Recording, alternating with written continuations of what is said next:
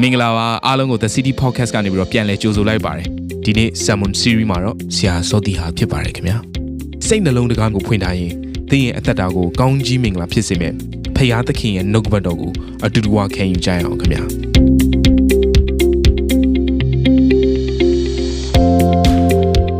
အားလုံးမင်္ဂလာပါအားလုံးကိုညနေခင်း 3pm service ကနေပြီးတော့နှုတ်ခွန်းဆက်ပါတယ်ကျွန်တော်တို့ဒီ February လကိုเนาะ ရောက်ခါနီးဖြစ်လာတဲ့အခါမှာ February လထဲမှာကျွန်တော်တို့အသင်းတော်တွေနဲ့အသစ်တော်အရာတွေလှုပ်ဆောင်သွားဖို့ရှိပါတယ်အဲ့တော့ဒါအခုအစပြုခြင်းလည်းဖြစ်ပါတယ်အဲ့တော့ရှေ့လာမယ့်အပတ်တည်းကနေစပြီးတော့မနက်ခင်းနဲ့ညနေခင်းတရားဟောချက်တွေတူမှာမဟုတ်ပါဘူးဒါကြောင့်မလို့အားလုံးကိုဖိတ်ခေါ်ခြင်းနဲ့တင်ရသက်တာထဲမှာနှုတ်ကပတ်တော်အဖြစ်တိဆောက်ခြင်းရှိဖို့ရန်အလုံးကဒီနေ့အသင်းတော်ကထုတ်လွှင့်တဲ့အစီအစဉ်တွေမှာအတူတကွ online ကနေကိုယ်ကွယ်ခြင်းအဖြစ်နှုတ်ကပတ်တော်ခံယူခြင်းအဖြစ်မိမိရဲ့အသက်တာကိုပြင်ဆင်ရအောင် တိဆောက်ရအောင်အဲ့တော့ February လထဲမှာဆိုရင်ကျွန်တော်တို့ cell group တွေလည်းအစပြုတော့မှာဖြစ်တယ်အထူးသဖြင့် online cell group တွေဖြစ်ပါတယ်ဒီတစ်ချိန်မှာတော့အမျိုးအစားတူတဲ့နော်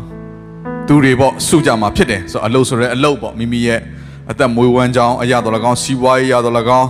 နော်မိမိလှုပ်ဆောင်နေတဲ့အလုပ်အားဖြင့်တော်၎င်းအသက်အရွယ်အားဖြင့်တော်၎င်းစသည်ဖြင့်ကျွန်တော်စူးစီးကြမှာဖြစ်တယ်ဆိုတော့ရန်စိတ်လှုပ်ရှားပါတယ်လူမြောင်များစွာကဒီရာအတွက်ကျွန်တော်ပြင်ဆင်နေကြပြီ sign up လုပ်ထားပါတယ်အကယ်၍ အခုကြည့်ရှုနေသောသူတွေထဲမှာဒီ online set group ကိုတက်ရောက်ဖို့ရန်စိတ်ဝင်စားရဲဆိုရင်ကျွန်တော်တို့ပေးထားတဲ့ link လေးကနေပြီးတော့ online မှာ form လေးဖြည့်ပေးစေချင်ပါတယ်အသင်းတော်ကနေပြီးတော့နော် online set group စတင်တော့မယ့်အချိန်နီးလာတဲ့အခါမှာဆက်သွယ်ပေးမှာဖြစ်ပါတယ်လို့ဒါလေးကိုလည်းကျွန်တော်နောက်ထပ်တစ်ချိန်အာ remind လုပ်ချင်ပါတယ်အဲ့တော့ကျွန်တော်တို့နှုတ်ကပတ်တော်ကိုမသွားခင်မှာပေါ့နော်အာဆူတောင်းမှုရန်အတွက်လည်းကျွန်တော်နှိုးဆော်ခြင်းပါတယ် အားလုံးကိုအဲ့ဒါကတော့မြန်မာပြည်နဲ့ပတ်သက်တဲ့အခြေအနေဖြစ်တယ်အားလုံးလည်းသိမယ်လို့ယုံကြည်ပါတယ်အခုဖြစ်နေတဲ့အခြေအနေအားလုံးဟာဒါမြန်မာပြည်ရဲ့အနာဂတ်အတွက်ကောင်းတဲ့အရာတခုမဟုတ်ဘူးเนาะနိုင်ငံရေးနဲ့ပတ်သက်တဲ့အရာရှုပ်ထွေးမှုတွေအများကြီးရှိတယ်အဲ့တော့ကျွန်တော်တို့ဘက်ကတော့ဒါယုံကြည်သူမှန်းရင်ဆူတောင်းပေးရမှာဖြစ်တယ်ဆိုတော့မင်းအာနာဆက်ဆိုတာကဘုရားသခင်အခွင့်မရှင်မဖြစ်လာပါဘူးအဲ့တော့ကျွန်တော်တို့ကတော့အကောင်းဆုံးတွေပဲမျှော်လင့်တာပေါ့ဒါပေမဲ့လည်း နောက်ဆုံးသောချိန်ကာလနီးလာလေလေကျွန်တော်ယုံကြည်သူများဟာညှဉ်းပန်းခြင်းနှိပ်စက်ခြင်းခက်ခဲခြင်းကြက်တဲခြင်းဆိုတဲ့အခြေအနေတွေကိုမလွဲမသွေကြော်ဖြတ်ရမှာဖြစ်တယ်သို့တော်လည်းပဲထို့အထက်မှာကျွန်တော်တို့ကြာရှုံးသွားမှာမဟုတ်ပါဘူးကျွန်တော်တို့ယုံကြည်ခြင်းနဲ့ဘယ်တော့မှမပြတ်ဖဲနဲ့ကျွန်တော်တို့အသက်ဒီကိုခန္ဓာကနေပြီးတော့စွန့်သွားတဲ့အချိန်ထိတိုင်အောင်သစ္စာရှိခြင်းနဲ့ဘုရားကိုချစ်ခြင်းနဲ့ဆုတောင်းခြင်းနဲ့ဆက်လက်ပြီးတော့အိမ်ဝင်သတင်းစကားကိုဟောကြားခြင်းနဲ့သွားနေရမှာဖြစ်တယ်ဒါကြောင့်မလို့အခြေအနေတွေကဆိုးလာသည်ဖြစ်စေကောင်းလာသည်ဖြစ်စေအဲ့အတွက်ကျွန်တော်တို့ပူပန်ခြင်းမရှိပါနဲ့စိုးရင်ခြင်းမရှိပါနဲ့ ကျွန်တော်လုပ်ရမယ့်အရာတစ်ခုပဲရှိတယ်အဲ့ဒါကတော့ဆုတောင်းပေးဖို့ဖြစ်တယ်ဒါကြောင့်လက်ရှိအခွင့်အာဏာကိုရနေသောအစိုးရမင်းတွေကိုလည်းဆုတောင်းပေးဖို့ဖြစ်သလိုနော်နောက်ထပ်မြန်မာနိုင်ငံအနာဂတ်မှာပေါ်ပေါက်လာမယ့်အစိုးရမင်းများအတွက်လည်းကြိုတင်ပြီးတော့ကျွန်တော်ပြင်ဆင်ပြီးတော့အသက်တာများကိုနော်စက္ကက်ချင်းနဲ့တူဆူတောင်းကောင်းကြီးပေးဖို့ကျွန်တော်အားလုံးကိုနှိုးဆော်ခြင်းပါတယ်ဒီနေ့မြန်မာပြည်မှာမရှိတော့လည်းပဲနိုင်ငံရဲ့ခြားမှာရှိသောယုံကြည်သူများကလည်းဆူတောင်းခြင်းအပြင်ပါဝင်ဖို့ရန်အတွက်ကျွန်တော်ဒီညကနေအားလုံးကိုတိုက်တွန်းခြင်းပါတယ်အဲ့တော့ဒီနေ့နှုတ်ကပတ်တော်ကတော့ကျွန်တော်တို့ရှာနဲ့ပတ်သက်တဲ့အကြောင်းအရာကိုပဲဝင်ခါမှာဖြစ်တယ်ပြီးခဲ့တဲ့တစ်ပတ်မှာတော့ပထမပိုင်းပေါ့နော်ရှာနဲ့ပတ်သက်တဲ့ပထမပိုင်းကျမ်းမာသောရှာဆိုတာကိုဝင်ခါခဲ့တယ်ဒီတစ်ပတ်နှုတ်ကပတ်တော်ခေါင်းစဉ်ကတော့ချမ်းသာသောရှာဆိုတဲ့အကြောင်းအရာကိုကျွန်တော်တို့ဝင်ခါမှာဖြစ်ပါတယ်ဆိုတော့ချမ်းသာခြင်းဆိုတဲ့အရာကိုကျွန်တော်စပြီးကြားလိုက်ပြီးဆိုတာနဲ့လူတော်တော်များများကရွှေငွေပစ္စည်းဥစ္စာနော်ပိုင်ဆိုင်မှုတချို့ကိုသွားပြီးတော့မြင်ကြတယ်ဒါကြောင့်ဒီနေ့နှုတ်ကပတ်တော်မှာတော့နော်ဒီအရာအကြောင်းအရာတွေကိုအဓိကပြောမှာမဟုတ်ဘဲနဲ့တကယ်စစ်မှန်သောချမ်းသာခြင်းဟာယေရှုစီမှာမရှိတဲ့အတွက်ကြောင့်မလို့ ထိုယေရှုခရစ်တော်ကိုနှုတ်ရှာပါစအဖြစ်ဘလို့ပုံစံနဲ့ကျွန်တော်ဝန်ခံနိုင်မလဲဆိုတဲ့အရာကိုအဓိကပြောသွားမှာဖြစ်တယ်အဲ့တော့ကျွန်တော်နှုတ်ရှာပါစကယေရှုကိုဝန်ခံလာပြီဆိုရင်ယေရှုစီကနေဆင်းသက်လာသောပြည့်စုံသောချမ်းသာခြင်းကကျွန်တော်တို့အသက်တာကိုရောက်ရှိလာမှာဖြစ်တယ်ပထမဦးဆုံးကျွန်တော်ဒီနှုတ်ရှာပါစနဲ့ပတ်သက်တဲ့เนาะအရာလေးကိုမီးဆိုတဲ့အရာလေးအဖြစ်အစပြုချက်ပါတယ်အဲ့တော့မီးဆိုတဲ့အရာနှစ်မျိုးရှိတဲ့ကျမ်းစာထဲမှာဖော်ပြထားတဲ့အရာလေးပထမတစ်ခုကတော့ ငရဲနဲ့ဆိုင်သောမီးငရဲလို့ပြောပြီးဆိုတော့ဒါစာတန်ကိုဒါကိုစားပြုသွားပြီနောက်တစ်ခုကတော့တန်ရှင်းသောဝိညာဉ်တော်နဲ့ဆိုင်သောမီးဆိုတော့ဒါဆိုရင်တော့ဘုရားသခင်စီကတက်ရောက်လာတဲ့မီးပေါ့ဂျာကုတ်အခန်းကြီး3ငယ်6မှာရှာသည်မီးဖြစ်၏ဒုစရိုက်လောကဓာတ်လည်းဖြစ်၏ထိုသောနှင့်အညီရှာသည်ငါတို့၏အင်္ဂါတို့တွင်တည်၍တကိုယ်လုံးကိုညစ်ညူးစေ၏ဇာတိဆက်ကိုလည်းရှို့တတ်၏မိမိသည်လည်းငရဲမီးရှို့ခြင်းကို ခံလျက်ရှိအဲ့တော့ဒီနှုတ်ရှာပါဇက်ကိုကျွန်တော်တို့ကဒူးစရိုက်နဲ့ဆိုင်တဲ့ယာဒီလောကနဲ့ဆိုင်တဲ့ညဉ့်ညူးခြင်းတွေအတွက်သုံးလိုက်ပြီဆိုရင်တဲ့ကျွန်တော်တို့ရဲ့အသက်တာဟာရှို့ခြင်းခံရတယ်ဘာအားဖြင့်လဲဆိုရင်ငရဲမီးနဲ့ရှို့ခြင်းခံရတဲ့အသက်တာမျိုးဖြစ်တယ်ငရဲကိုမရောက်သေးပါဘူးနော်ဘုရားယေရှုခရစ်တော်ကိုကျွန်တော်တို့ညင်းပယ်တော်သူတွေယေရှုခရစ်တော်ကိုနော်ယုံကြည်လက်ခံခြင်းမရှိသောသူတွေရဲ့နောက်ဆုံးအဆုံးသတ်ကတော့တရားစီရင်ခြင်းအဲ့တရားစီရင်ခြင်းကအပြစ်ကိုတရားစီရင်တာဖြစ်တယ်ဒါကြောင့်ကျွန်တော်တို့ရဲ့အပြစ်ကိုကယ်ချွတ်ပေးမဲ့ယေရှုခရစ်တော်ကို လက်မခံတဲ့အခါမှာကျွန်တော်တို့ရဲ့အပြစ်အားဖြင့်တရားစီရင်ခြင်းကနောက်ဆုံးဘယ်ကိုပဲရောက်လဲဆိုတော့ငရဲကိုရောက်တယ်ဒါကကျွန်တော်တို့တရားစီရင်ခြင်းနောက်ပိုင်းမှာဖြစ်တယ်နော်ကျွန်တော်တို့ရဲ့အသက်သေဆုံးပြီးနောက်ပိုင်းမှာဖြစ်တယ်ကျွန်တော်တို့နော်ဒီသေသေခြင်းတစ်ဖက်ကမ်းမှာကြုံရမယ့်အရာတစ်ခုဖြစ်တယ်ဒါပေမဲ့ကျမ်းစာကဘာပြောလဲဆိုတော့သေမငရဲကိုကြုံရတာမဟုတ်ဘဲနဲ့တဲ့အသက်ရှင်တဲ့အချိန်မှာပင်လင် ဒီနှုတ်ရှာပါဇက်ကိုကောင်းမွန်စွာအသုံးမချဘူးဆိုရင်ဒီနှုတ်ရှာပါဇက်အဖြစ်မှန်ကန်တဲ့ဝန်ခံခြင်းစက္ကပ်ခြင်းပြောဆိုခြင်းဆိုတဲ့အရာမရှိဘူးဆိုရင်တန်ရှင်းခြင်းမရှိဘူးဆိုရင်ဒီလောကမှာနေတဲ့အချိန်မှာပင်လင်ငရဲမိနဲ့ရှို့ခြင်းဆိုတဲ့အရာကိုကျွန်တော်တို့ခံရနိုင်တယ်အဲ့တော့ကျွန်တော်တို့ငရဲကိုမရောက်သေးပေမဲ့လေဒီလောကမှာမင်းနေလျက်နော်ငရဲရဲ့အရာတာကိုဒီရှာအားဖြင့်ခံစားလို့ရတယ်ဒါကြောင့်ကျွန်တော်ရဲ့ရှာကိုအသုံးပြုခြင်းတိတ်အရေးကြီးတယ်နော်ကျွန်တော်ရဲ့ရှာဟာ တေခြင်းနဲ့ရှင်ခြင်းကိုအစိုးရတဲ့ရှာဖြစ်တယ်အာမင်ဒါကြောင့်မလို့ကျွန်တော်တို့ကဒီရှာကိုဘယ်လိုသုံးမလဲကိုသုံးတဲ့အတိုင်းပဲကောင်းကင်ဘုံရဲ့ရတာကိုခံစားရင်ခံစားရမယ်ဒါမှမဟုတ်ရင်ငရဲရဲ့ရတာကိုခံစားရင်ခံစားရမယ်ဒီနေ့သင်ဖဲရာကိုခံစားခြင်းတယ်လေကဲနောက်ထပ်ကျမ်းစာတစ်ခုကတော့ဒါကတော့ကောင်းကင်နဲ့ဆိုင်တဲ့မီးဖြစ်တယ်ဒီအဖြစ်ပြက်ကတော့တမန်တော်ဝတ္ထုခန်းကြီးနှစ်အငယ်တစ်ကနေလေးမှာပါပါတယ်နော် fire from heaven ကောင်းကင်ဘုံကဆင်းသက်တဲ့မီးဖြစ်တယ်တန်ရှင်သောဝိညာဉ်တော်ရဲ့မီးဖြစ်တယ်ကျမ်းစာဖတ်ချင်ပါတယ် ပင်တေကုတ်တွေပွဲနေသို့ရောက်သောအခါထိုသူအပေါင်းတို့သည်တညီတညွတ်တည်းစီဝေး၍နေကြ၏ထိုအခါလေပြင်းမုန်တိုင်းကဲ့သို့သောအတန်သည်တခဏချင်းတွင်ကောင်းကင်မှလာ၍ထိုသူတို့နေထိုင်သောအိမ်ကိုဖြည့်လေ၏ထိုခဏချင်းတွင်ကွဲပြားသောရှာတို့သည်မီးရှာကဲ့သို့ထင်ရှား၍ထိုသူအသီးသီးတို့အပေါ်၌တည်နေကြ၏ထိုသူပေါင်းတို့သည်လည်းတန်ရှင်သောဝိညာဉ်တော်နှင့်ပြည့်၍ဝိညာဉ်တော်သည်ဟောပြောသောအခွင့်ပေးတော်မူ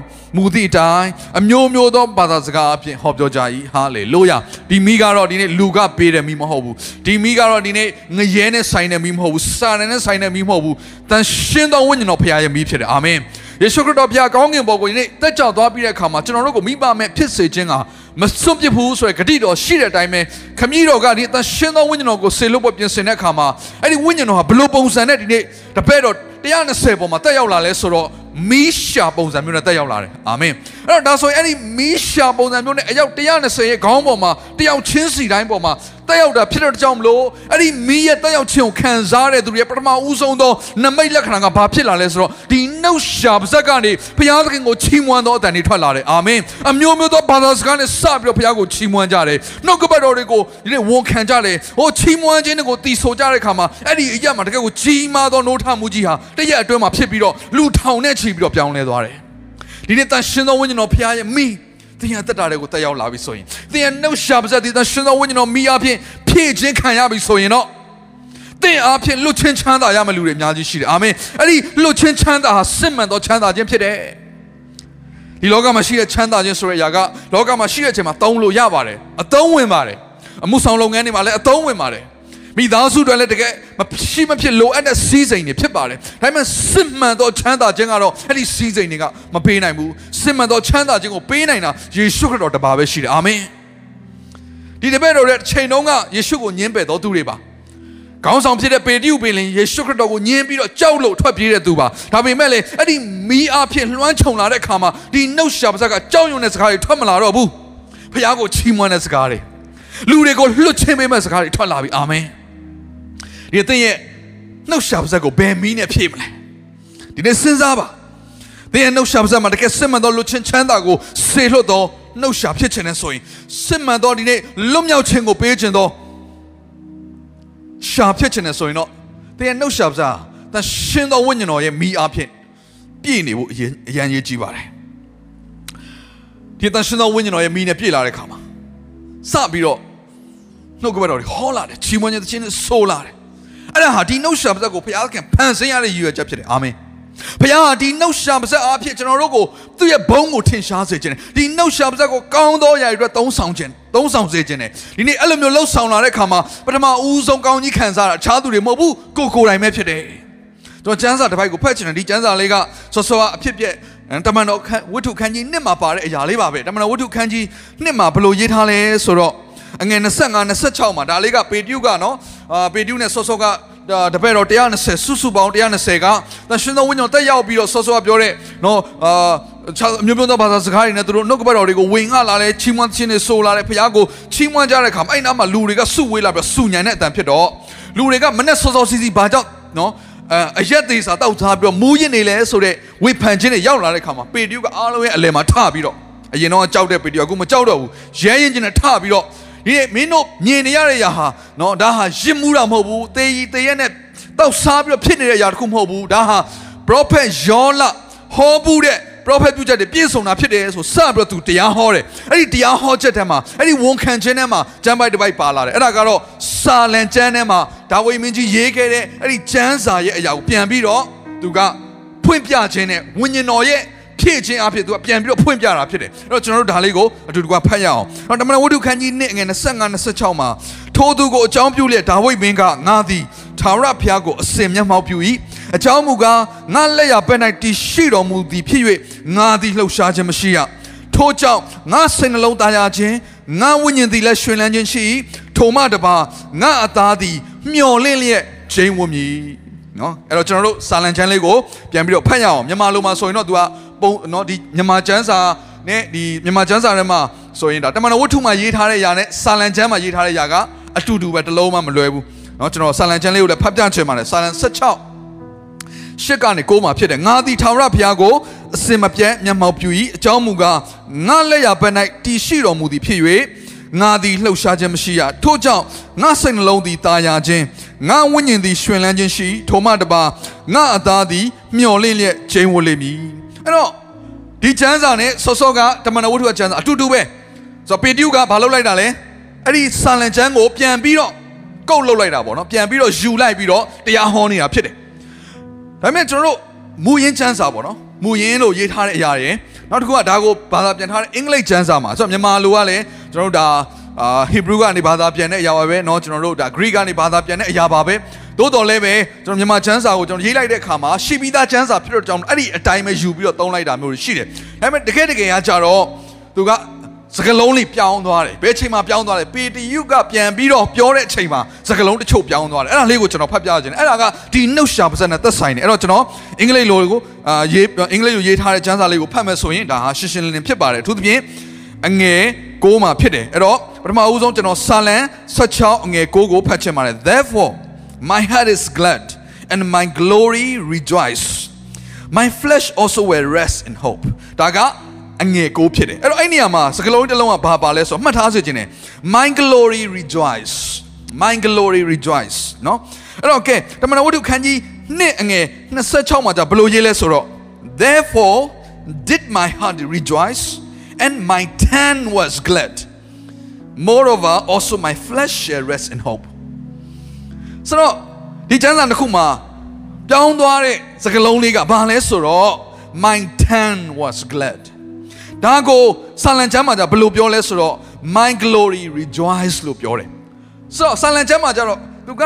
ငါရဲ့ဘုံလို့ပြောတယ် my glory ဒါပေမဲ့တမန်တော်ဝတ္ထုမှာပေတရုကတန်ရှင်းသောဝိညာဉ်တော်အဖြစ် ဖြည့်ပြီးတော့ပြောတဲ့အချိန်မှာဘာဖြစ်သွားလဲဆိုတော့ my tongue was glad ငါရဲ့နှုတ်ရှာပါးစပ်ဟာဝမ်းမြောက်ခြင်းရှိတယ်ဟိုမှာကျတော့ my glory rejoice ငါရဲ့ဘုံဟာရွှင်လန်းခြင်းရှိတယ်ဒီလိုပုံစံမျိုးဆိုတော့ဘာကိုပြောနေတာလဲကျွန်တော်ရဲ့နှုတ်ရှာပါးစပ်ကချီးမွမ်းလိုက်ခြင်းဟာတဲ့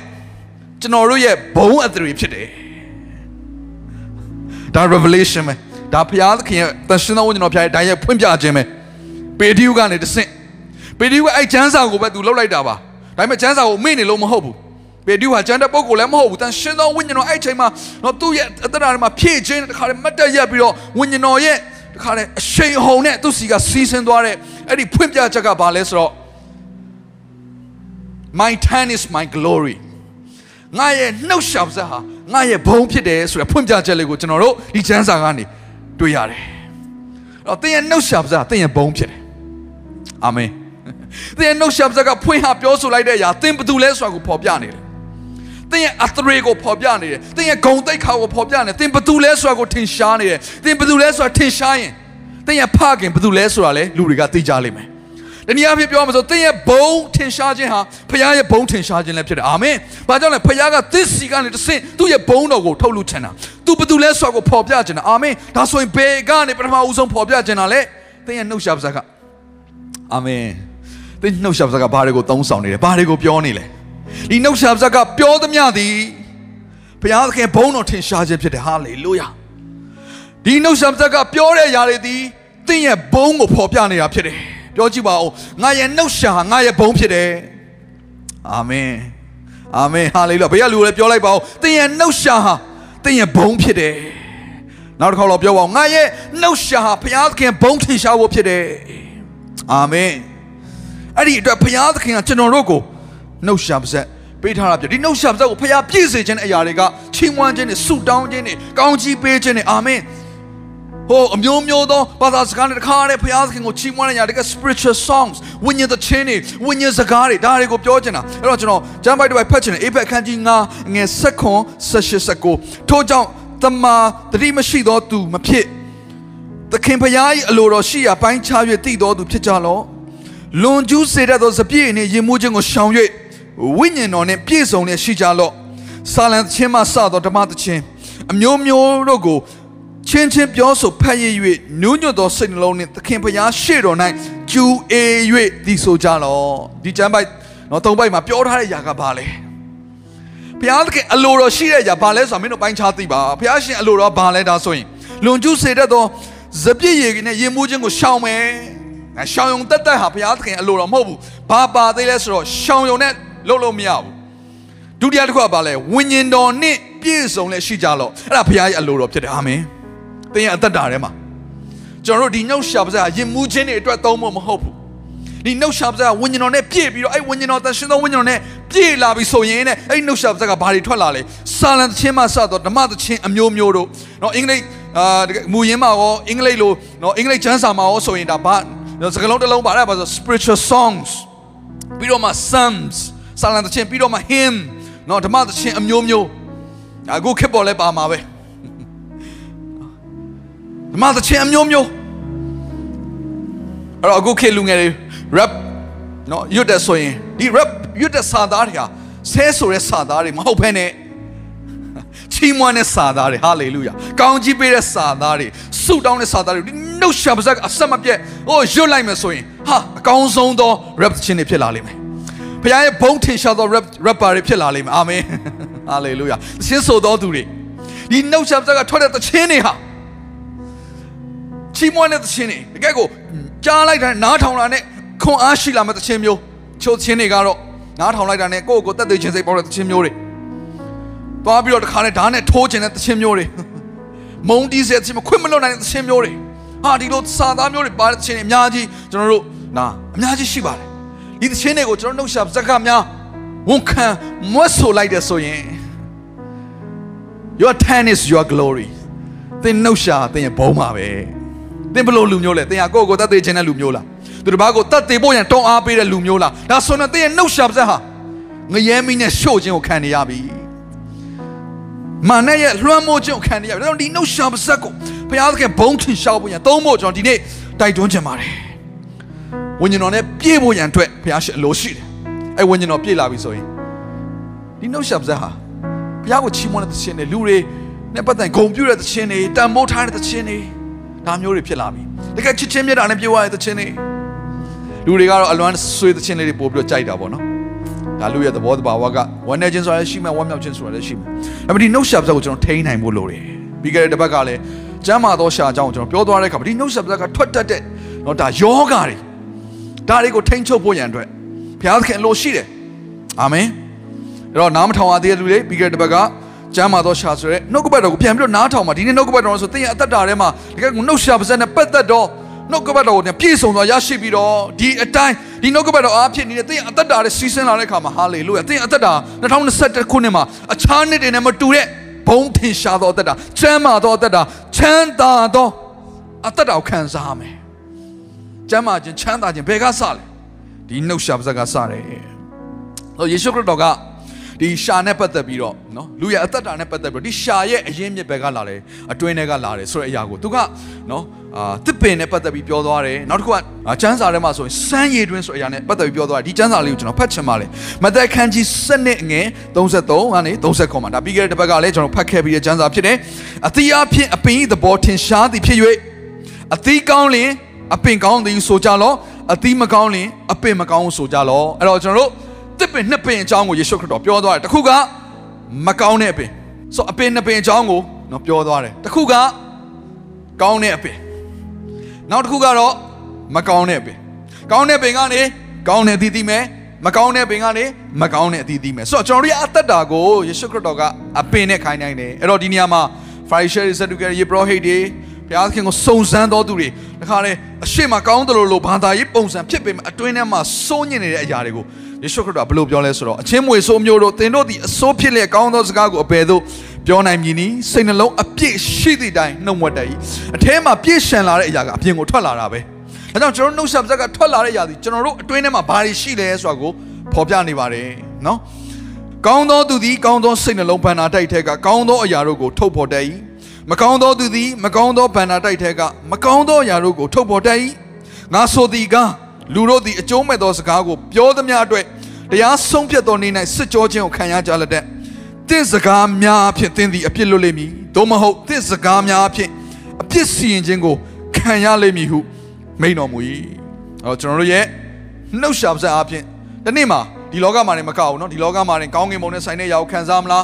เนาะငရဲနဲ့ဆိုင်တဲ့ရောက်ခံစားမလားခံစားလို့ရသလိုတနေ့ကျရင်လည်းဘုရားသခင်ရှေ့မှာမတ်တက်ရက်ပြီးတော့ကျွန်တော်ပြောသမျှစကားအားလုံးအတွက်တရားစီရင်ခံရမှာဖြစ်တယ်ယာကုပ်3 ငယ်9ကနေ7မှာလဲဆော့ဆော့ပြောတယ်အပင်နဲ့ပတ်သက်တဲ့အရာနောက်တစ်ခုကစမ်းရည်တွင်နော်ဒါအပင်နှမျိုးစမ်းရည်တွင်နှမျိုးဆိုတဲ့အရာကိုယာကုပ်ကနော်ဒါဒီနေရာမှာပြောထားတယ်ဆိုတော့ယာကုပ်ခန်းကြီး3ငယ်9ကနေ7မှာငါတို့သည်ရှာဖြစ်ခမည်းတော်ဘုရားသခင်ကိုကောင်းကြီးပေးတတ်ကြ၏ဘုရားသခင်ပုံသဏ္ဍာန်တော်နှင့်အညီဖန်ဆင်းသောလူတို့ကိုရှာဖြစ်ကျင့်ဆက်တတ်ကြ၏တုတ်တပါအထဲကထောမနာချီးမွမ်းခြင်းနဲ့ကျင့်ဆက်ခြင်းထွက်တတ်ပါသည်တကားငါညီကိုတို့ထို့သောမဖြစ်ကောင်းရာ စမ်းရည်ပေါက်တစ်ပေါက်ထဲကချိုသောရည်နှင့်ခါသောရည်ထွက်တတ်သလောငါညီကိုတို့သင်မောတဖန်ပင်သည်တန်လွင်သီးကိုတီးနိုင်သလောစပြစ်ပင်သည်သင်မောတဖန်သီးကိုတီးနိုင်သလောထို့အတူငံသောရည်သည်ချိုသောရည်ကိုမဖြစ်စေနိုင်အဲ့တော့ဒီဟာလဲဘာနဲ့ပတ်သက်ပြီးပြောနေရလဲနှုတ်ရှာပါဇက်ကိုပြောနေတာဒီနှုတ်ရှာပါဇက်နဲ့ဖះကိုလည်းကောင်းကြီးပေးတဲ့လူတွေကိုလည်းချိန်ဆဲတယ်ဆိုရင်တော့မှားနေပြီ ဘုရားသခင်ရွေးချယ်တော်သူရဲ့အသက်တာထဲကခါတဲ့ຢာကိုချိုတဲ့ຢာကိုဘယ်လိုလုပ်ထွက်လာနိုင်မလဲတဲ့ဆောဆောကျွန်တော်တို့ဖတ်ခဲ့တဲ့မသက်မှာလည်းဒီတိုင်းပဲအတွင်းထဲမှာပြည့်လာပြီစိတ်နှလုံးထဲမှာပြည့်တဲ့ຢာထွက်လာတာပဲဘာနဲ့တူလဲဆိုတော့ကျွန်တော်တို့ဒါရေဘူးနဲ့တူတယ်ပေါ့နော်ရေဘူးနဲ့တူတယ်ကဲအခုကျွန်တော်ဒီမှာရေဘူးဒါကကျွန်တော်တို့ရေတန့်ဘူးလို့ခေါ်တယ်နော်ဒါအဲပိုင်းကိုကြော်ညာတော့မဟုတ်ဘူး ရေတန့်ဘူးလို့ခေါ်ဆိုတော့ရေတန့်ဘူးလို့ကျွန်တော်တို့ဝယ်ပြီးတဲ့အခါမှာနော်ဘယ်သူမှတိတ်ပြီးတန်တရားရှိမနေဘူးနော်ဒါရေတန့်ဘူးဖြစ်တဲ့ကြောင့်မလို့အထက်မှာရေတန့်တာလည်းမြင်တဲ့ကြောင့်မလို့ကျွန်တော်တို့ဘာလုပ်လဲတောက်ကြတယ်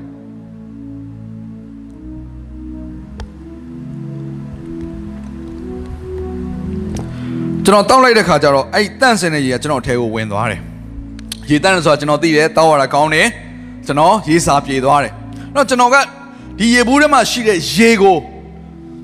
တန့်မှတန့်ပါမလားလို့ကြံခဲ့တဲ့ရေကိုကျွန်တော်တန်တရားမရှိဘူးနောက်တစ်ချိန်တောက်ဖို့လုံရင်လည်းကျွန်တော်ဖွင့်ပြီးတော့တောက်လိုက်အောင်ပါပဲဘာကြောင့်လဲဒီဘူးထဲကထွက်လာတဲ့ရေတန့်နေဆိုရင်ဒီဘူးထဲမှာကြံခဲ့တဲ့ရေလည်းတန့်နေဆိုတာစိတ်ချရတယ်ဒီသဘောပဲဒီဘူးထဲမှာရှိတဲ့ရေကညစ်ပတ်လို့เนาะကျွန်တော်တို့ကရေရေလေးလောင်းလိုက်တဲ့ခါမှာဆိုရေလေးတောက်လိုက်တဲ့ခါမှာညစ်ပတ်တဲ့အရာကိုကျွန်တော်တောက်မိပြီဆိုရင်အထဲကရေကတန့်ပါအောင်မလားလို့ ဘယ်သူမှလိုက်ပြီးစစ်ဆေးနေမှာမဟုတ်တော့ဘူးအထဲမှာကြံခဲ့တဲ့ရေအားလုံးဟာလည်းညစ်ညူးတယ်ဆိုတာကိုမပြောဘဲနဲ့ကျွန်တော်မသိကြတယ်။ဒါကြောင့်မို့ကျွန်တော်တို့စီကထွက်သွားတဲ့စကားကညဉ့်ညူးတဲ့စကားဆိုရင်အထဲထဲမှာတန့်နေပါပဲလို့ဘယ်သူမှနော်ထင်မှတ်စရာအကြောင်းမရှိတော့ဘူး။အပြင်ကိုထွက်သွားတဲ့စကားတွေကညဉ့်ညူးတဲ့စကားဖြစ်တဲ့ဆိုရင်အဲ့လူရဲ့အထဲမှာညဉ့်ညူးခြင်းနဲ့ပြည့်တယ်ဆိုတာမေးစရာမလိုတော့ဘူး။ရေဘူးလို့ပဲ။ဒီအပြင်ကိုထွက်သွားတဲ့စကားတွေချီးမွမ်းခြင်းတွေကောင်းတဲ့စကားတွေဖြစ်တယ်။ ဂုဏ်ပြုတဲ့စကားတွေဖြစ်တယ်။အတင်းပြောတဲ့စကားတွေမဟုတ်တော့ဘူး။ဆဲတဲ့စကားတွေမဟုတ်တော့ဘူး။စိတ်ထဲကြားတဲ့စကားတွေမဟုတ်တော့ဘဲနဲ့ဂုံပြုတ်သောအရာတွေဖြစ်သွားတယ်ဆိုရင်ကောင်းတဲ့စကားတွေဖြစ်သွားတယ်ဆိုရင်အဲ့ဒီအတွင်းထဲမှာကောင်းသောအရာတွေကိန်းဝတ်နေတယ်ဆိုတဲ့အရာကကျွန်တော်တို့ဘာမှတန်တရားဖြစ်เสียမလို့တော့ပါဘူးဒါကြောင့်အတွင်းထဲမှာဖြည့်ထားတဲ့အရာကအပြင်ကိုထွက်လာတာပထမဆန်းရည်တွင်ကတော့ဒါကောင်းတဲ့ဆန်းရည်စီးဆင်းနေတဲ့ဆန်းရည်တွင်ဖြစ်တယ် အဲ့ဒီကောင်းတဲ့ဆန်းရည်တွင်တွေကနေပြီးတော့နောက်ထပ်နော်ခါတဲ့ဆန်းရည်ထွက်မလာဘူးတဲ့မကောင်းတဲ့စမ်းရည်ဆိုတာကမကောင်းတဲ့သူတွင်းတဲ့သူရှိမှာပဲတော့ကျွန်တော်တို့ရဲ့အသက်တာဟာဘုရားသခင်နဲ့ဆိုင်နေဆိုရင်တန်ရှင်သောအသက်တာဖြစ်ဘုရားသခင်ရွေးချယ်ထားတဲ့တိကျဖယ်ထားတဲ့ဆိုရင်ကျွန်တော်တို့စီကထွက်လာရမယ့်အရာတွေအားလုံးဟာကောင်းသောအရာတွေဖြစ်ရမယ် ဘုရားသခင်ဘုန်းတော်နဲ့ဆိုင်တဲ့အရာတွေဖြစ်ဖို့လိုတယ်အာမင်သုတ်တန်ခန်းကြီးလေးငယ်23မှာနှလုံးသည်အသိအခြေမြစ်ဖြစ်သောကြောင့်သင်နှလုံးကိုအထူးသဖြင့်စောင့်ရှောက်လို့ဘာကြောင့်နှလုံးကိုအထူးသဖြင့်စောင့်ရှောက်ခိုင်းတာလဲအဲ့နှလုံးသားထဲမှာပြည့်ရှံနေတဲ့အရာကအပြင်ကိုထွက်လာတော့မှာမို့လို့အဲ့ဒီနှလုံးသားကိုစောင့်ရှောက်ပါလို့ပြောတာအာမင်ကျွန်တော်တို့အတွင်းနှလုံးသားထဲမှာဘာတွေနဲ့ဖြည့်ထားတယ်သိရေးကြည့်တယ်ကြောင့်ကျွန်တော်တို့ရဲ့အသက်တာထဲမှာဒီနေ့ပြည့်နေတဲ့အရာတွေဟာအပြင်ကိုထွက်မလာခင်မှာဒီနှလုံးသားထဲမှာငါဘာတွေနဲ့ဒီနေ့ဖြည့်နေလဲဘာတွေနဲ့ပြည့်ခဲ့ပြီးပြီလဲပြန်ပြီးတော့စမ်းစစ်ဖို့ဖြစ်တယ် အဲ့ဒါနဲ့ပတ်သက်တဲ့အင်္ဂလိပ်ကျမ်းစာလေးကိုကျွန်တော်ဖတ်ချင်တယ်တုတ်တန်လေး23မှာပဲ keep your heart with all diligence တတ်နိုင်သမျှမင်းဘာစွမ်းဆောင်နိုင်တဲ့စွမ်းဆောင်နိုင်သမျှအားလုံးနဲ့မင်းရဲ့နှလုံးသားကိုစောင့်ရှောက်ပါ for out of it spring the issues of life ကိုယ့်ရဲ့ဘဝအတ္တနဲ့ပတ်သက်တဲ့ပြဿနာကိစ္စဘောင်းဆောင်ဟာကိစ္စအားလုံးဟာနော်ဒီမှာစကလုံးဘယ်လိုသုံးထားဆို spring ဆိုစကလုံးလေးသုံးထားတယ်စမ်းရည်ကိုပြောနေတာစမ်းရည်တွင်းကိုပြောနေတာအာမင် ကိုယ့်ဘဝအသက်တာမှာရှိသမျှကိစ္စဘောင်းဆောင်အားလုံးဟာအဲ့စမ်းရည်တွင်းထဲကနေစီးထွက်လာလိမ့်မယ်အဲ့တော့နှလုံးသားဟာစမ်းရည်တွင်းကဲ့သို့ဖြစ်တယ်စကားဟာထွက်လာတဲ့ရေကဲ့သို့ဖြစ်တယ်ကျွန်တော်တို့ရဲ့နှလုံးသားကျွန်တော်တို့ရဲ့အသက်တာသည်တစ်ပင်ကဲ့သို့ဖြစ်တယ်ကျွန်တော်စီကထွက်လာတဲ့စကားတွေဟာအဲ့တစ်ပင်ကသီးလာတဲ့အသီးကဲ့သို့ဖြစ်တယ်ဒါကြောင့်သင်ဟာတစ်ပင်နှစ်ပင်အမျိုးအစားမတူတဲ့တစ်ပင်နှစ်ပင်မှာဘယ်အပင်လဲမတူတဲ့စမ်းရည်တွင်နှစ်ခု မတူတဲ့ရေအမျိုးအစားနှစ်ခုမှာသင်ဟာဘလို့စမ်းရည်တွင်မျိုးလဲဘလို့ရေမျိုးသင်စီကစီးထွက်နေလဲယေရှုကတော့သူ့ကိုယုံကြည်တော်သူဟာတဲ့အသက်ဆန်းရည်စီးထွက်ရာဆန်းရည်တွင်ဖြစ်မယ်အဲ့ဒါဘုရားသခင်အလိုတော်ဖြစ်တယ်ဘယ်ကနေစပြီးစီးထွက်မလဲဒီနှုတ်ရှာပါးစပ်ကနေစပြီးတော့စီးထွက်လာမှာဖြစ်တယ်အာမင်အာမင်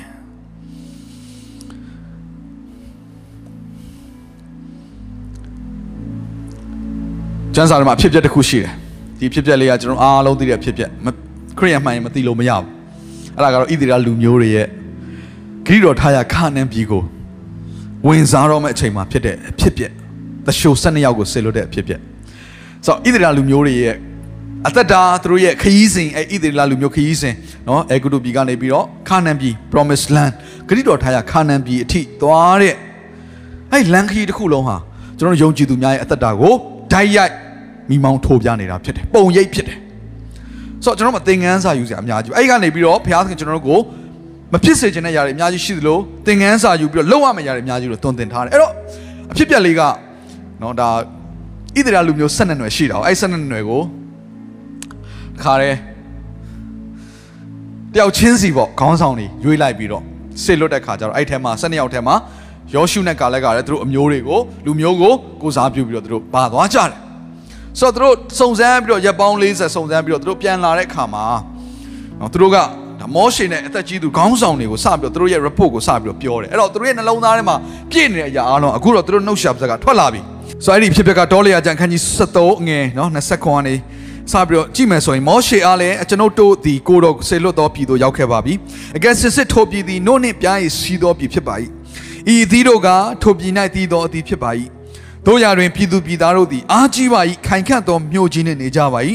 ထိုမြမကအာနကအမျိုးသားတို့ကိုလည်းမြင်ရပါ၏အဲ့တော့သူတို့မြင်ခဲ့ကြားခဲ့တဲ့အရာရပ်ပေါင်း40လုံးလုံးသူတို့ခံစားခဲ့ရတဲ့အရာတွေကိုအခုစပြီးတော့ပြောလာပြီအဲ့တော့ပထမဦးဆုံးသူတို့အဲ့မှာရှိတဲ့အခြေအနေကိုပြောပြတယ်အခုနောက်ထပ်တစ်ခုကတော့သူတို့စီမှာသူတို့ခံစားရတဲ့အရာအခုနှလုံးသားထဲမှာပြည့်နေတဲ့အရာသူတို့ပါဇက်ကထွက်လာပြီနော်အဲ့တော့ပထမဦးဆုံးကာလက်ကဘာပြောလဲဆိုတော့ကာလက်ကလည်းအငယ်30မှာချက်ချင်းခြီသွား၍ ထိုပြည်ကိုသိမ်းယူကြဆိုအောင်နိုင်ကောင်းသည်ဟုဆို၍မောရှေရှေမှာလူများတို့ကိုငြိမ်းစေ၏အဲ့ဒါကာလဲနှုတ်ရှာပါဇက်ကထွက်လာတဲ့စကားဖြစ်တယ်သူနဲ့အတူလိုက်သွားသောသူတို့ကအကဲကြလာပြီအဲ့တော့ပြောမှဆိုယောရှုနဲ့ကာလက်ကအခုကာလက်ပြောတဲ့အတိုင်းပဲသူတို့နှုတ်ရှာပါဇက်ကထွက်လာပြီဒါပေမဲ့အခုကြံတဲ့လူ10ယောက်ကတော့ဘယ်လိုပြောလဲဆိုတော့သူနဲ့အတူလိုက်သွားသောသူတို့ကထိုပြည်သားတို့ကိုငါတို့မတိုက်နိုင်သူတို့သည်ငါတို့ထက်သာ၍အာကြီးကြသည်ဟု၍၎င်း ငါတို့သွား၍စူးစမ်းသောပြည်သည်မိမိသားတို့ကိုဖျက်ဆီးတတ်၏ငါတို့တွေ့မြင်သောပြည်သားအပေါင်းတို့သည်အလွန်အယက်မြင့်ကြ၏ကိုကြီးသောလူအမျိုးနွယ်အာနကအမျိုးနွယ်ဖြစ်၍အလွန်ကြီးမားသောသူတို့ကိုလည်းမြင်ခဲ့ကြပြီသူတို့ရှေ့မှာငါတို့သည်ကိုအထင်အတိုင်းနှံကောင်ကဲ့သို့ဖြစ်ကြ၏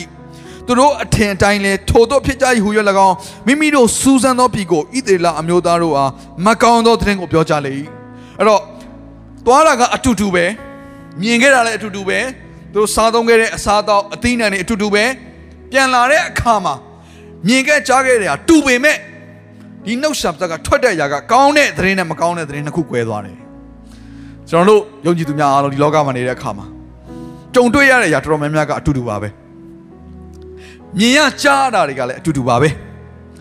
အဲ့ဒီမြင်ရကြားရတဲ့အရာတွေပေါ်မှာဘလို့ပုံစံနဲ့ဒီနှုတ်ဆက်ဇက်ကဝန်ခံမိလဲဆိုတဲ့အရာကသင်ရဲ့အနာဂတ်ကိုအဆုံးဖြတ်ပေးသွားတယ် ယောရှုနဲ့ကာလက်ကသူတို့နှုတ်ဆက်ဇက်ကဝန်ခံလိုက်တဲ့အရာဒီသူတို့ရဲ့အနာဂတ်မှာသူတို့ရမယ့်အရာဖြစ်သွားပြီးတော့ကျန်တဲ့လူ10ယောက်ကဝန်ခံလိုက်တဲ့အရာကတော့ကျန်တဲ့တမျိုးသားအားလုံးကိုအဲ့ကန္နာရမှာပျက်စီးဆုံးရှုံးဖို့ရန်အလုံးကပေးလိုက်တဲ့ယောဂါဖြစ်သွားတယ်ဒါသူတို့ရဲ့လမ်းဆုံးဖြစ်သွားတယ်ပြောမဆိုအင်္ဂလိပ်လိုဆို destiny လို့ခေါ်တယ်ကျွန်တော်ရောက်ရမယ်ပန်းတိုင်လမ်းဆုံးအဲ့ဒါဘယ်ကနေပေါ်လာလဲဒီနှုတ်ဆက်စကားပြောလိုက်တဲ့ဝန်ခံလိုက်တဲ့စကားအဖြစ်ပေါ်လာတာ ဟောဒီအတွင်းနှလုံးသားထဲမှာသင်ဘာကိုယုံကြည်လဲသိရေးကြည်သွားပြီအာမင်သင်ဟာဘလို့လူမျိုးလဲသိရေးကြည်သင်ဘသူ့ကိုယုံကြည်လဲဆိုတာအရင်ရေးကြည်သွားပြီမြင်ရကြားတာချင်းအတူတူယုံကြည်သူချင်းလဲအတူတူဒီနှုတ်ဆက်စကားပြောတဲ့စကားတွေကွာသွားတဲ့အတွက်ကြောင့်မလို့အဲ့ယုံကြည်သူအချင်းချင်းပဲဘုရားเจ้าတော်အတူတူတက်ကောင်းတက်နေအောင်မယ်နှုတ်ကပတ်တော်လည်းအတူတူကြားတာဖြစ်ကောင်းဖြစ်ဖြစ်လိမ့်မယ် ဒါပေမဲ့သူတို့အသက်ရှင်မှုနှစ်ခုလုံးကနောက်ဆုံးမှာတဖြည်းဖြည်းတဖြည်းဖြည်းချင်းနဲ့နှစ်ပေါင်းများစွာကြာတဲ့အခါမှာကွာသွားတယ်။တယောက်ကတော့ဘုရားသခင်ရဲ့ညင်ဝချင်းချမ်းသာခံစားရတော့ဂရိတော်ထားရခန္ဓာပြီးရဲ့အရသာကိုအပြည့်အဝခံစားနေရပေမဲ့တစ်ဖက်မှာတော့တယောက်သောသူကစိုးညစ်ခြင်းနဲ့ဆိုင်သောရာငရဲနဲ့ဆိုင်သောရာပျက်စီးခြင်းနဲ့ဆိုင်သောအရာမှာလမ်းဆုံးသွားတတ်တယ်။ဒီနှလုံးသားထဲထွက်လာတဲ့အရာဒီနှုတ်ရှာပါဇက်ကဝန်ခံခြင်းဆိုတဲ့အရာ သိပြီးတော့အရေးကြီးပါတယ်အဲ့တော့ဒီຢာကသူတို့ရဲ့ဝန်ခံခြင်းဖြစ်တယ်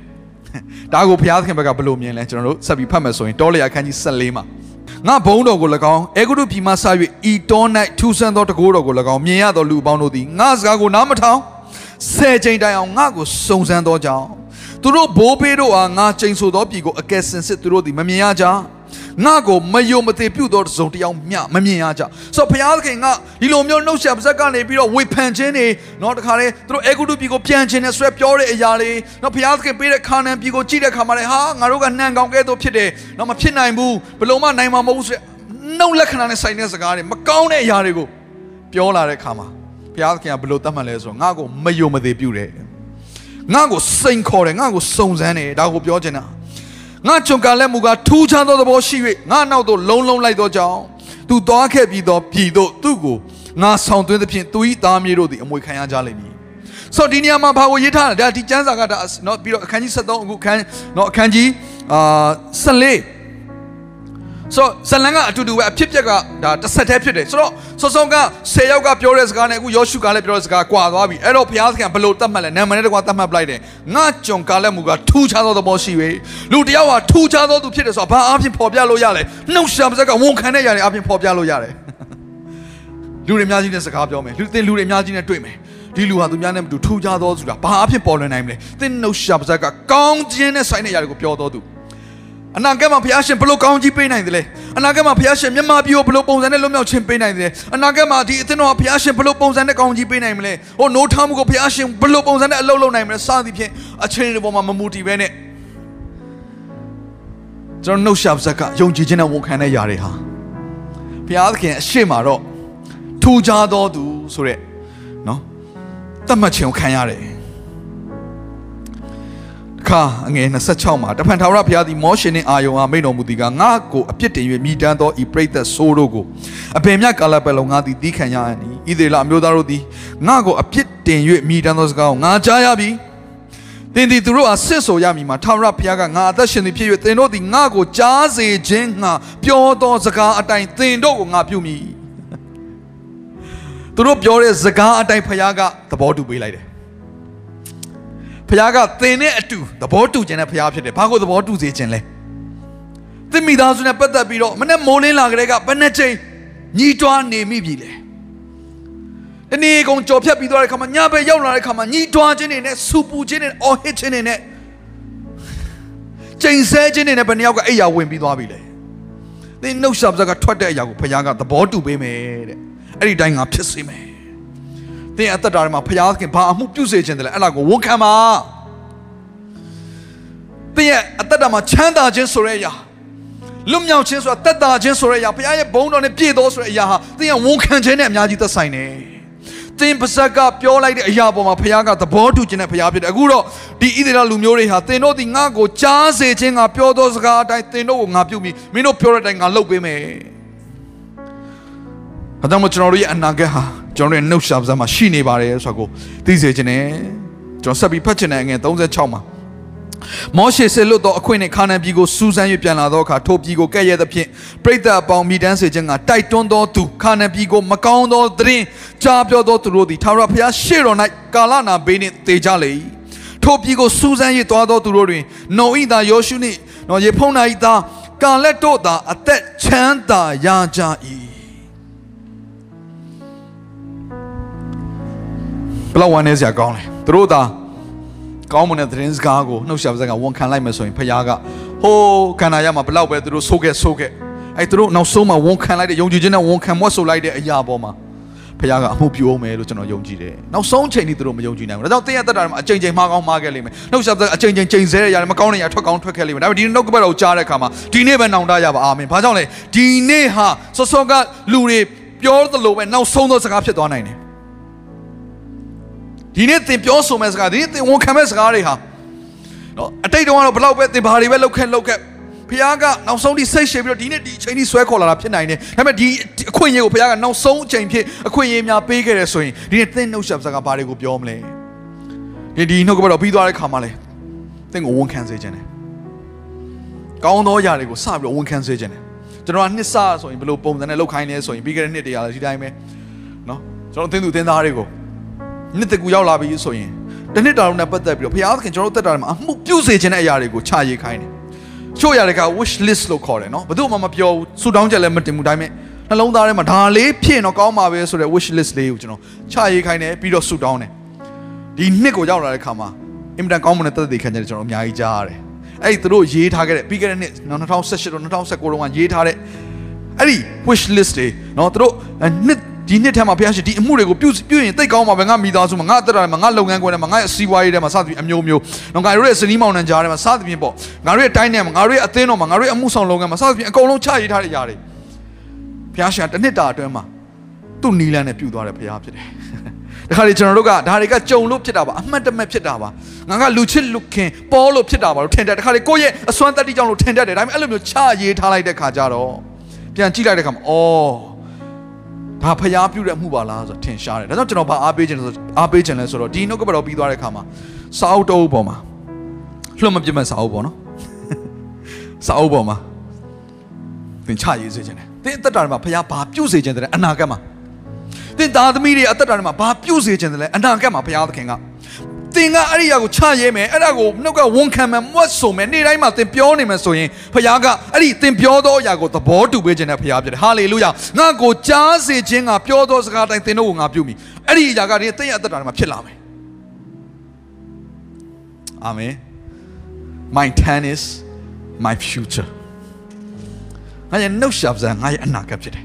my tennis my destiny ငါရဲ့နှုတ်ရှာ ငါရဲ့အနာဂတ်ပန်းနိုင်ဖြစ်တယ်ငါသွားရမယ့်နေရာဖြစ်တယ် my time is my glory hallelujah ငါရဲ့နှုတ်ဆက်ပါးဟာငါရဲ့ဘုံအသရေဖြစ်တယ်ဘုရားနာမတော်ကြီးဘုံကြီးပါစေအဲ့နောက်ဆုံးဒီအချက်လေးကိုကျွန်တော်ပြောချင်တယ်အဲ့ဒါကဒီနှုတ်ဆက်ပါးကိုဝန်ခံခြင်းအတွက်သုံးတဲ့အခါမှာအရေးကြီးတဲ့အရာနှစ်ခုကိုကျွန်တော်ပြောချင်တယ်ပထမတစ်ခုသင်ရဲ့နှုတ်ဆက်ပါးကိုဘာအတွက်သုံးဖို့လိုလဲဆိုရင်နော်ပြီးခဲ့တဲ့အပတ်ကျမ်းမာသောရှာမှာတော့ကျွန်တော်ဗာပြောခဲ့လဲဆိုတော့ မတုံးရမယ့်ຢာတွေမလောက်ရမယ့်ຢာတွေဒီနှုတ်ရှာပစာအပြင်ဒီနေ့လောက်ရမယ့်ຢာနှစ်ခုကိုပြောခြင်းတယ်အရင်အရေးကြီးဆုံးຢာနှစ်ခုပထမတစ်ခုကဘာလဲဆိုတော့သင်ရဲ့အပြစ်တွေကိုဝန်ချဖို့ရန်အတွက်ဒီနှုတ်ရှာပစာကိုသုံးပါဘာကြောင့်လဲယေရှုခရစ်တော်စီကိုလာပြီးဆိုရင်နောင်တရခြင်းအပြစ်ဝန်ချခြင်းဆိုအရင်ရေးကြီးတဲ့ຢာတစ်ခုဖြစ်တယ်အဲ့ဒီຢာကိုဘာအဖြစ်လုပ်ရတယ်နှလုံးသားထဲမှာတကယ်နောင်တရတယ်ယေရှုကိုတကယ်ယုံကြည်လက်ခံခြင်းနဲ့ကိုယ့်ရဲ့အပြစ်တွေအတွက်တကယ်ကိုယ်ကိုယ်အသက်တာမှာနောင်တရစိတ်မကောင်းဘူးနော် ဝမ်းနဲ့ခြေကွဲတယ်တန်ရှင်သောတရားကိုလိုချင်တယ်ဘုရားရှင်ပေးတဲ့ကယ်တင်ခြင်းကိုရချင်တယ်တော့ဘာလို့ဖို့လို့လဲနောင်တရခြင်းနဲ့အဲ့နောင်တရခြင်းနှုတ်ရှာပါစကဝန်ခံမွတ်ဆိုခြင်းဆိုတဲ့အရာကိုလုပ်ဖို့လိုတယ်အဲ့တော့ပထမဦးဆုံးယေရှုခရစ်တော်ကိုကျွန်တော်ယုံကြည်မလက်ခံခင်မှာကျွန်တော်တို့ရဲ့အပြစ်တွေကိုအရင်ဆုံးဝန်ခံခြင်းအဖြစ်နော်ကျွန်တော်နောင်တရဖို့လိုတယ်တော်တော်များများကအပြစ်ကိုဝန်မခံနိုင်တာဘာကြောင့်လဲဆိုရင်အပြစ်ကိုကျွန်တော်တို့အတိတ်ပဲဖွင့်ဆိုတဲ့ပုံမှားနေလို့ဖြစ်တယ်ပြောရမယ်ဆိုရင် ဒါကတော့အပြစ်မဟုတ်ပါဘူးကွာအဲစင်ကြေပေးတာအပြစ်ကိုစင်ကြေပေးတာဟောသင်ကဘာဖြစ်ဖို့လဲရိုးရိုးသားသားဖြစ်ဖို့လိုတယ်ဘုရားအရှိကိုရှိတိုင်းလက်ခံတယ်အဲ့တော့တခါတည်းကျတော့ကျွန်တော်တို့ကအပေးယူလုပ်တတ်တယ်อืมဒါကတော့ဘုရားလက်ခံမှတင်တယ်ဘုရားကမေတ္တာရှိမယ်ဒါကတော့ဘုရားသခင်ခွင့်လွတ်မှာပါဒါကတော့တိတ်ကြီးလေးတဲ့အပြစ်မဟုတ်ပါဘူးကျွန်တော်တို့ကဘုရားသခင်ရှိမှကြီးတာငယ်ရတယ်မဟုတ်ဘူးကျွန်တော်ကျွန်တော်တို့အတွင်းနှလုံးသားထဲမှာကိုကိုကိုနော်အော်ဒဘာစိတ်မကြည်လင်မှုဆိုရင်အဲ့ဒီအရာကအပြစ်ပဲဘာမှလိုက်ပြီးတော့စင်ကြေပေးနေစရာမလိုဘူး အရင်တော့ဆိုကျွန်တော်ဗီဒီယိုရှိုးတစ်ခုပေါ့နော်ကြည့်ဘူးတယ်နောက်ပိုင်းတော့မကြည့်တော့ဘူး။ဘာလို့ဆိုရန်မကောင်းတဲ့ຢာတွေအများကြီးပါလို့သူက moment of truth ဆိုပြီးတော့အမှန်အတိုင်းပေါ့နော်ဝန်ခံရတာပြီးတော့မူသားဖော်တဲ့ဆက်ကောသူတို့ကနော်တခါလေလှုပ်ထားပြီးသားဖြစ်တယ်တတ်ထားပြီးသားအဲ့ထိုင်ကုန်မှာထိုင်လိုက်တာပေါ့ထိုင်ပြီးတော့မေကွန်းမေးတယ်နောက်ဆုံးမှမေကွန်းတွေကိုသူတို့တကယ်မလိမ်မညာပဲနဲ့မှန်အောင်ဖြေနိုင်တယ်ဆိုရင်သူတို့ကဒါနောက်ဆုံးမှဒါအာငွေကြေးပေါ့နော်စုပေးတာပေါ့ဒါလည်းဒီ TV show တွေတည်းတခုပဲအမေရိကမှာလုပ်တာပေါ့ ဒါ reality show တခုပေါ့နော် moment of truth ဆိုတော့အဲ့မှာဘာတွေပါလာလဲဆိုတော့လင်မယားတွေကိုခေါ်တယ်သူတို့နဲ့ပတ်သက်တဲ့နော်တငယ်ချင်းမိတ်ဆွေတွေခေါ်ပြီးတော့တခါလေလင်မယားဖောက်ပြန်တဲ့ကိစ္စတွေကိုမေးတယ်ပြောမှဆိုဖြေဖို့အရန်ခက်တဲ့မေကွန်းတွေကိုမေးတာပေါ့မေးလို့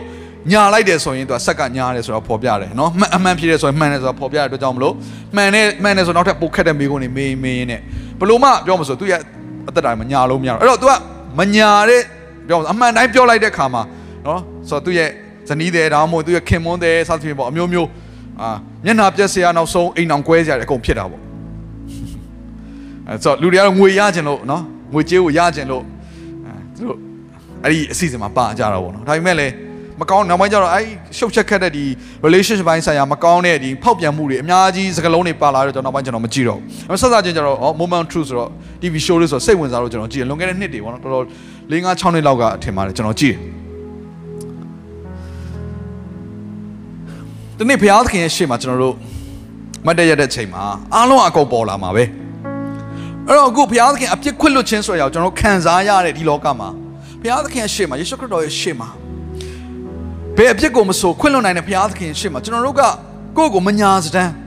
မိမိကိုယ်ကိုစစ်ဆေးပြီးတော့ကိုရောဒီအပြစ်တွေအတွက်ခွင့်လွတ်ပါလို့ကျွန်တော်တို့ဝန်ခံလိုက်မယ်ဆိုရင်ဒီနှုတ်ရှာပါးစားဟာ